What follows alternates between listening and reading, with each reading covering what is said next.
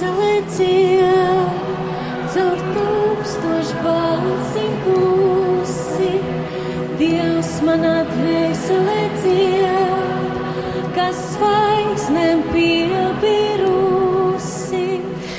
Ērika Ešenvalda dvēseles dziesma skanēs muzikālajā notikumā pie brīvības pieminekļa arī citi Latvijas valsts vēsturē svarīgi skaņdarbi, kā arī dzēja un proza par mums būtiskām lietām.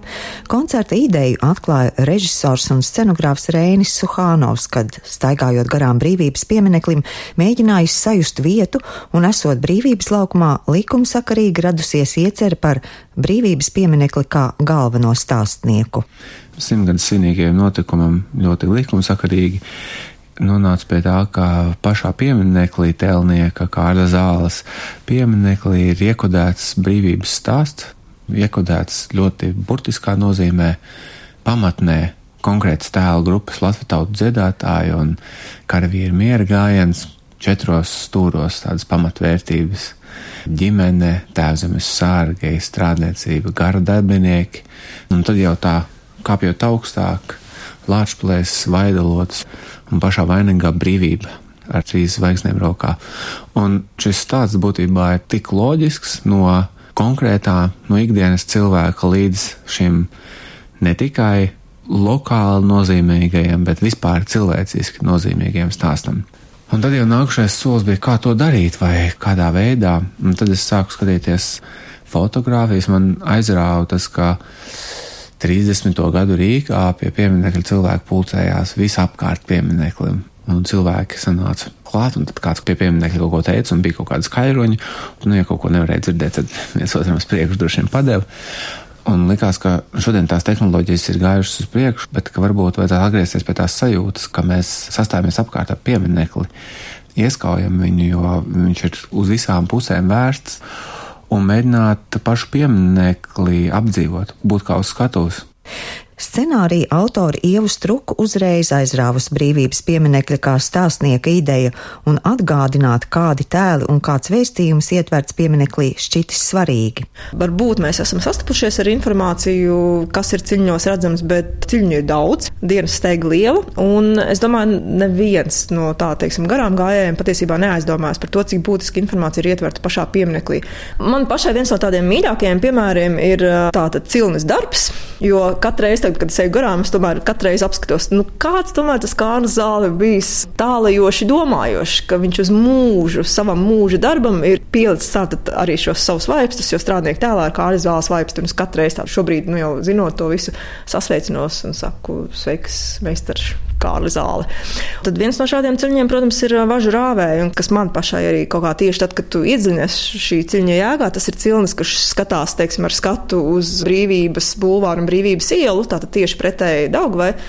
Tad, protams, šeit cilnīte saproti, tur vairs nav nu, pat nekādas piesaistes teiksim, Latvijai vai latviešiem, bet brīvība Nav runa par latviešu brīvību vai Latvijas brīvību. Runa ir par cilvēku iekšējo brīvību, cilvēku fizisko brīvību un brīvību kā pašu augstāko vērtību. Un cik mēs tomēr ikdienā ļoti reti par to aizdomājamies, ko tas nozīmē un ko nozīmē saraut šīs važas.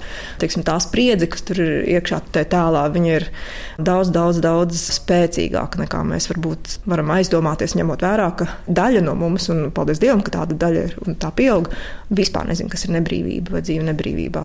Un par tādām lietām ir vērts domāt. Paudžu pārmantojamība ietverta pieminekļa tēlu grupās, tādās kā ģimene vai tēvzemes sargi.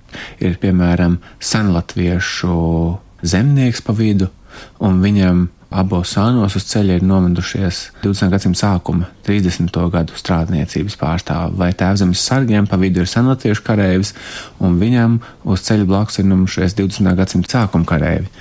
Un tad domājot un nu, jau virpinot tālāk, protams, ka šādos svētku pasākumos latviešiem ir ārprātīgi svarīgi dziedāt, un, Un mums ir ļoti daudz dziesmu, kuras ir emocionāli mums nozīmīgas, ar kurām mēs esam auguši. Tās ir klasiskas dziesmas, kā Laustās priedis. Tās ir atmodas laika dziesmas, kā dzimtā valoda, un tās ir arī mūsdienu komponistu dziesmas, kā Erikēšana valda dvēseles dziesma, kuras mums saistās ar lielām tautas daudzumiem, mums saistās ar kaut kādām emocionālām vērtībām, ir šīs emocionālā saitne.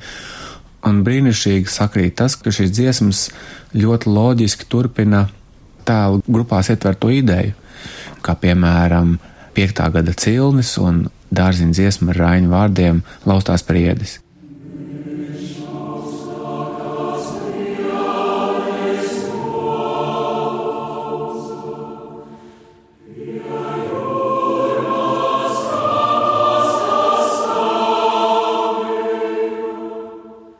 Koncertā piedalīsies Rīgas jauniešu kori, kā arī Valsts akadēmiskais koris Latvija. Koncerta mākslinieckais vadītājs ir Māris Sirmais, taču dziesmu izvēle notikusi diskutējot, atklāja Rēnis Suhānaus.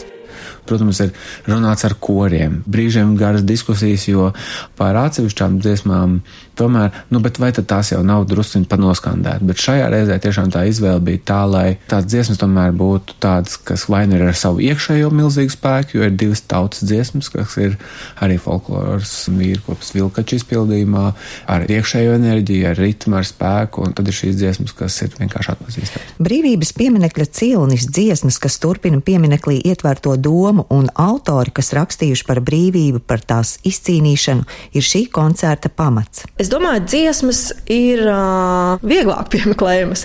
Viena iemesla dēļ tās plašāk ikdienā tiek izmantotas. Un ar ikdienu tiešām domājot nevis tikai kora koncerts, bet tomēr arī dziesmu svētkus un teiksim, visu to tradīciju, kas gadsimta gaitā mums ir, ar ko mēs esam saskārušies. Runājot par literāriem tekstiem, nebūtu nebija tik viegli, jo ļoti gribējās, lai šiem tekstiem ir arī ne tikai saturiski patriotiska vērtība, bet arī mākslinieca vērtība. Un tas nevienmēr, starp citu, tik labi arī apvienojas, jo ļoti bieži tomēr dzēja kā subjektīva pārdzīvojuma izteicēja ir saistīta vairāk ar personiskiem pārdzīvojumiem. Un tajā brīdī, kad tā ir veltīta vai valstī, vai valodai, vai dzimtenei, vai tādā nozīmē, ko mēs saprotam ar patriotisko, Dažkārt ir nodevas kaut kādai tēmai un pazūd tā kvalitāte. Un tad, lai būtu gan ļoti augsts mākslinieckais sniegums, gan šī piesaiste tēmai, laikam un vietai, nē, nebija viegli. Ieva Struka sakārtojas vienotā stāstā literāros darbus, sākot no klasiķiem līdz mūsdienu dzēniekiem. Sākot no spēka tautsdziesmām, sākot no Andreja Pumpura Lāčplēša par ko mēs šeit aizmirstam, cik tur ir ārkārtīgi viedi teksti un vērtīgas atziņas, un sākot, protams, ar Raini vai Blaumanu vai Skalbi un Akurātoru. Nu, un beidzot ar šodien rakstošiem cilvēkiem. Tur ir Knuts Skujnieks, dziesmu tekstos ir arī citu Māra Zālīta, tur ir Anna Rancāne, tur ir Edvīns Raupas viens dzīvos arī. Bet uh, tas, kas ir varbūt mazāk zināms, un kurbūt tieši gribētu pateikt, Valda Krāslavieša pirmām dzīvos ir viens, un kurš ir ļoti vietā un laikā un piemērots. Un līdz ar to es meklēju arī tādu dzēju, kas netiek ikdienā visu laiku izmantot. Jo, teiksim, atšķirot Mārcis Zāles grāmatu, patiesībā ļoti viegli ir izvēlēties. Nav tā, ka, nu, bet, lai ļautu arī citiem tikt pie vārda, tas nemaz tik vienkārši nebija. Nu, tā nonācām pie tā jautājuma, dziesmas mums dzied kori ar solistiem. Kas tad būs tie cilvēki, kas lasīs šo dzēju, tāda Ojāra Rubeņa aizstāvēt un lolot arī domu, par kur viņš arī tur šobrīd ārkārtīgi liela rūpi, ka varētu runāt mums nozīmīgi cilvēki. Tās ir personības sākot no sabiedriskiem darbiniekiem, kā Vairvīķa Freiberga, Dainis Īvāns, Ieva Kurāter, tie ir mākslinieki, muziķi, Vestards Šimkus, tie ir mūsu zemnieki četri, baro mūs tiešā nozīmē.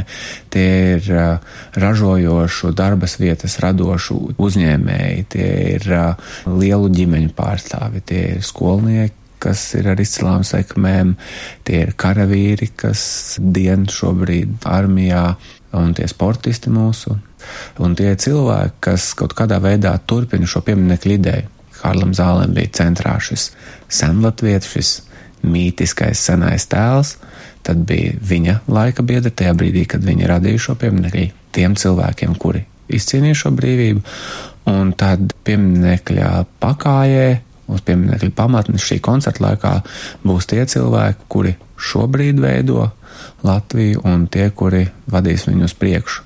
Tad šajā brīdī šie cilvēki, kas būs pie pieminiekļa kā izpildītāji, runātāji, viņi ir pieminiekļa dzīvā daļa. Šogad koncerta stāsta dalībnieki izvietosies uz pieminiekļa terases un kāpnēm, veidojot apļveida skatuvi ar skatu uz visām pusēm. Arī koncerta apmeklētāji aicināti stāties visapkārt piemineklim. Rēnis Suhānovs vērš uzmanību, ko klausītājiem pie brīvības pieminekļa svarīgi zināt. Tātad, ja viss cilvēks stāv uz riņķa, tas nozīmē, ka kādā brīdī runātājs vai dziedātājs būs pretējā pusē, kur tas, nu, es it kā atradu to savu vietu, un tāpēc būs izvietota ekrānu sistēma. Bet uh, saprotot, ka būs jābūt šai ekrāna sistēmai, jo no paša sākuma bija skaidrs, ka ir nepieciešams vēl piektais mēdījis, kas iedod drusciņu tādu paplašinājumu, vispārinājumu arī tam notikumam. Un tāpēc tika uzaicināta video mākslinieca Katrīna Neiburga, kura gadu ir fiksējusi dažādus notikumus brīvības pieminiektu pakājai. Un tie ir arī tūplānā nofilmētas tēlu grupas, lai cilvēks varētu sekot līdzi. Aha, tagad mums ir aktuāla, teiksim, grupa ģimene, o, mums ir tādi runātāji, tā grupa ģimene izskatās tā, viņi būs pievilkti tūplānā šajos ekrānos, o, un lūk runā, teiksim, beitiku ģimene vai kārkliņu ģimene. Un šādā veidā cilvēkiem patiesībā būs samērā ērti sekot līdzi. Un kā vienmēr pasākumos, tie, kas būs tuvāk pie paša pieminiekļa, tiem būs izdevība tūplānā redzēt cilvēkus. Savukārt tie, kas būs tālāk, tiem būs iespēja redzēt koplānu un tūplānu varēs redzēt caur video ekrāniem. Kori būs izvietojušies abās pusēs piemineklim. Vecrīgas pusē divi kori, savukārt brīvības ielas pusē viens lielais koris. Un, protams, kā kārtīgā novembra dienā ir jānodrošina šī brīnišķīgā atmosfēra, un gaisa mākslinieks Oskars Pauliņš nodrošinās to, lai šim, šim koncertam būtu šī iestudējuma sajūta. Un es domāju, ka simtgadus tāds 18. novembra koncerts ir vienreiz, jā, vispār pie pieminekļu, un, protams, centīsimies visi, lai mums ir tas brīnišķīgākais notikums. Es domāju, tā tiešām arī visu mūsu brīnišķīga iespēja domāt par Latviju un tomēr domāt šais, bet labā nozīmē, jā, tātad pacilājošās kategorijās. Apliecinot par to, cik ārkārtīgi spēcīgi cauri laikiem tomēr mēs esam bijuši, un nu, arī šīs važas, tāpēc man tie važu rāvēji arī tādi tuvi spējuši pāraut, un cik svarīgi viņas ir turpināt, ieraudzīt, saskatīt un raut. Kā, kas ir grūti, jo ļoti, ļoti bieži mēs varam secināt, ka tā kvintesence, tas apatējos punkts, ir bijusi trešā atmoda. Un tiešām visi šie zemteksti, kas tiek izmantot padomu laikā, un tad viņi kulminē, kulminē, un tad atmodas laikā ļoti daudz skaistu, gan patriotisku dziesmu ir tapis šais gados, gan dzējas. Bet ir pagājuši 30 gadi. Man liekas, ir ļoti bīstami iekapsulēties un apstāties kaut kādā vienā laika posmā. Kas tad ir tas, kas mūs šodien pacelā un, uz ko mēs varam skatīties nākotnē? Jā, tikai baroties no atmodas perioda, arī es domāju, tas ir tuvredzīgi, jo tas kaut kādā brīdī sāks atspēlēties.